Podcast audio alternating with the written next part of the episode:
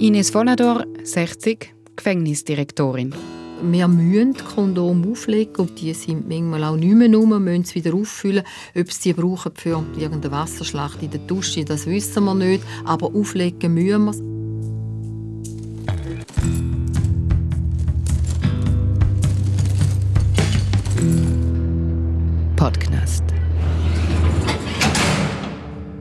Herzlich willkommen im Podcast, wo ich, Sabrina Bundi, mit Leuten aus dem neuesten Gefängnis der Schweiz rede.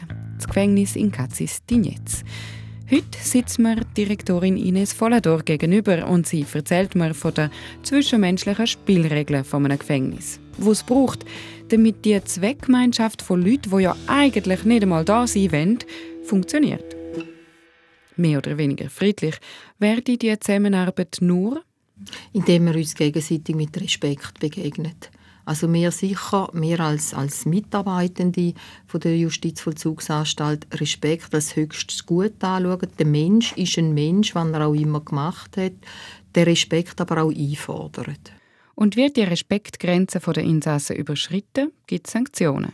Ein Beispiel. Also wenn wir merken, jemand würde jetzt an einer Mitarbeiterin wollen, wenn sie über den Pausenhof nachpfeifen oder irgendwas sagen, da tun wir keine Grenzen setzen. Das tolerieren wir überhaupt nicht. Die Sanktionen sind dann je nach Schwere vom Verstoß entweder eine schriftliche Verwarnung, Besuchsverbot, Trennscheibenbesuch, ein Aufenthalt in der Arrestzelle oder, was für viele Insassen fast noch schlimmer ist, eine Geldstrafe.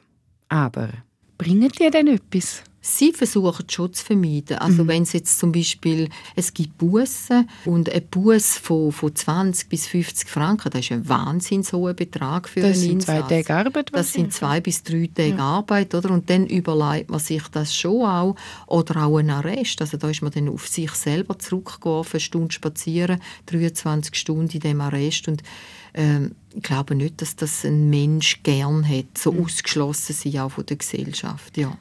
Das ist so die Peitsche, die sie haben. Gibt es auch Zuckerbrot? Also wenn sich einer jetzt besonders gut verhält im Gefängnis, bekommt er irgendwie ein Goodie? Vielleicht ein bisschen also, Melon oder... Gut, also er, er wird zielvereinbart beim Arbeiten und wenn er das Ziel erreicht und sehr gut erreicht, gibt es auch Melon, das macht der Werkmeister. Gutes haben wir in dem Sinn nicht, dass er irgendwie mal ein Gipfel kriegt, was auch was wir sicher tun, ist loben. Wo man merkt, es tut, er ist ein Mensch, uns tut ja das Lob auch gut, also können wir das auch aussprechen. Zurück zu den Gefängnis-Gesellschaftsspielregeln, wo mir die Gefängnisdirektorin vom modernsten Gefängnis der Schweiz, Ines Vollador, erklärt. Die Lex Knast sagt zum Beispiel klar, einander angreifen oder streiten ist verboten. Eigentlich. Aber wenn es zu Streit kommt im Gefängnis, warum kommt es meistens denn zu Auseinandersetzungen? Sie machen viel Streit so ein untereinander, so manchmal auch ein bisschen Versteckten, wo man es nicht sehen. Jetzt, wenn Sie Zellenfreigang haben, dass Sie zu einem anderen auf die Zelle gehen und vielleicht ein zu einem Streit kommt, und wenn wir den feststellen und wir versuchen uns zu klären, was ist, heben es dann doch wieder zusammen, weil der eine nicht dem anderen aus welchen Gründen das auch immer mag sein. Wir haben Vermutungen, wir haben Beobachtungen. Dann tut das gemeinsame Leid der Insassen sie schon ein bisschen zusammenschweissen. Aber das ist immer so, das war in einem Skilager schon so. Gewesen. Mehr Schüler im Skilager gegen die Lehrer, die sagen, wir müssen jetzt schlafen. Oder? Dann tut man sich ja auch so verbrüdern und verschwöstern. Also dann gibt es schnell mal Freundschaften unter den Insassen, um das Gefängnis so ein bisschen erträglicher zu machen. Das gibt es sicher. Man versucht sich Verbündete, man sucht... Äh, Gesprächspartner. Und Partnerschaften? Das kann es auch geben. Also wir müssen Kondom auflegen, obwohl wir jetzt nur gerade ein Männergefängnis sind und die sind manchmal auch nicht mehr rum, müssen sie wieder auffüllen. Ob sie die brauchen für irgendeine Wasserschlacht in der Dusche, das wissen wir nicht. Aber auflegen müssen wir es auch zum Vorbeugen von Geschlechtskrankheiten. Wir reden hier so von einer Notsexualität, wo es durchaus geben kann. Aber auch das ist wieder, wenn es einvernehmlich ist, ist das okay für uns. Wenn wir aber merken, dass einer könnte unter Druck kommen, vielleicht sich mit einzelnen Wörtern gegen uns so öffnet, dann tun wir es sehr fest beobachten. Glauben Sie, würde einen Insassen Ihnen melden, wenn er vergewaltigt wird? Ich glaube nicht sofort, aber vielleicht irgendwo im Nachhinein, dass er vielleicht Anmerkungen macht, mir aber auch Beobachtungen. Das spielt sich ja dann durch den ganzen Tag durch. Da kann sein, dass ein Einsatz mal einem anderen aus dem Weg geht oder ein einem sowieso immer nachstellt, also wo halt vorher nicht war. Und so Feindschaften, aber wie man es manchmal in diesen Serien sieht, dass da die Gruppe gegen die Gruppe ist und so, gibt es das auch?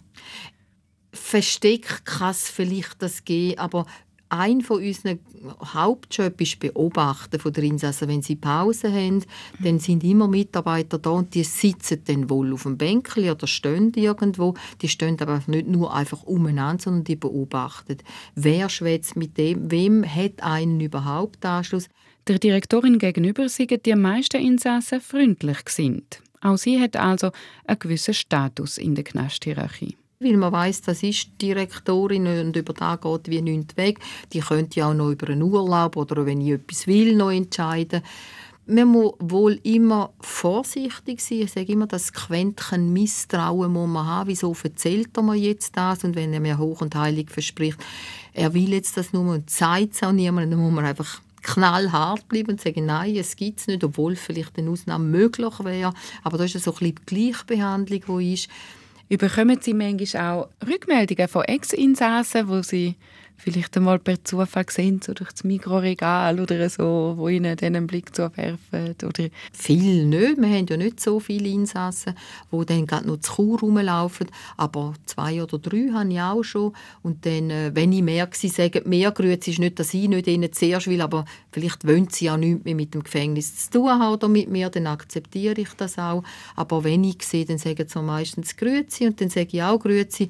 Oder ein anderer, der einem einfach begegnet, wo vielleicht vielleicht auch mal ein Stammkunde ist und weiss, er muss dann wiederkommen und auch mal sagt, hey, see you soon oder irgend so etwas, so, wo dann auch zum Schmunzeln anregt. Also wirklich, es sind Menschen. Wir haben auch schon Rückmeldungen gehabt, seltene schriftliche, wo sich dann auch bedankt haben, schriftlich, zum Beispiel, dass die Arbeit in der Löscherie sehr gut war und hilfreich und sie gut angekommen sind und so. Und das freut natürlich auch den Mitarbeiter. Mhm. Wenig mal passiert es, aber wenn es passiert, freuen wir uns wirklich. Sie macht ihren Job also gern und wird ihn auch gern bis zur Pension weitermachen. Ines Vollador ist heute 60.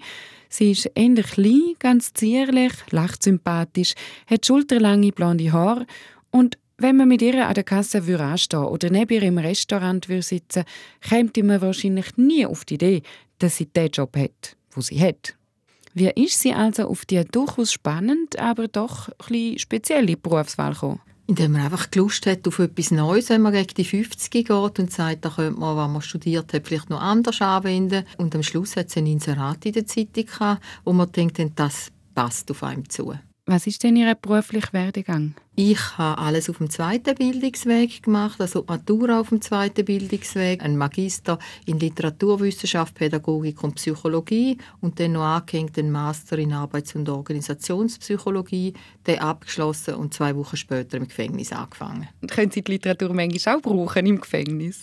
Ja, es gibt einem schon, wenn man sich vertieft mit Literatur auseinandersetzt, hat es ja da auch Ansätze drin. Und Gefängnis ist ja ein absolut altes Business. Das gibt es schon lange, schon immer. Wird es wahrscheinlich auch immer in irgendwelcher Form geben. Ja, mal so ein bisschen Ansichten und so mal.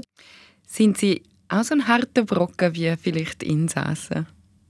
Vielleicht äh, gewisse Unnahbarkeit, aber das muss man ja auch an den Tag legen. Bei uns ist es so Nähe, Distanz. Man muss immer genug Nähe zulassen, damit man auch eine Beziehung aufbauen kann. Das muss man ja bei jedem Mensch. Und aber auch wieder eine gewisse Distanz haben. Also, dass ich sicher nicht erzähle, wo ich in die Ferien gehe oder dass ich halt wo auch immer wohne und wie ich wohne. Da hat man dann wieder diese Distanz. Distanz braucht sie auch, wenn sie oft mal einem echten Mäcki-Messer gegenübersteht. Den meisten Leuten fällt es ja eher schwer, um einen Täter zu sehen, zu wissen, dass der einer Person Schaden zugefügt hat und ihn dann aber gleich nicht für seine Tat zu bewerten. Ines Vollador kann die Bewertung aber von Anfang an weglassen. Und das geht so. Ist ganz äh, einfach. Wir können nur einem Menschen begegnen, weil wir müssen über Tat nicht richten, weil das macht der Richter, das macht das Gericht. Wir sind in der Justiz Vollzugsanstalt. Wir müssen eigentlich nur vollziehen und dem Auftrag von der Resozialisierung gerecht werden.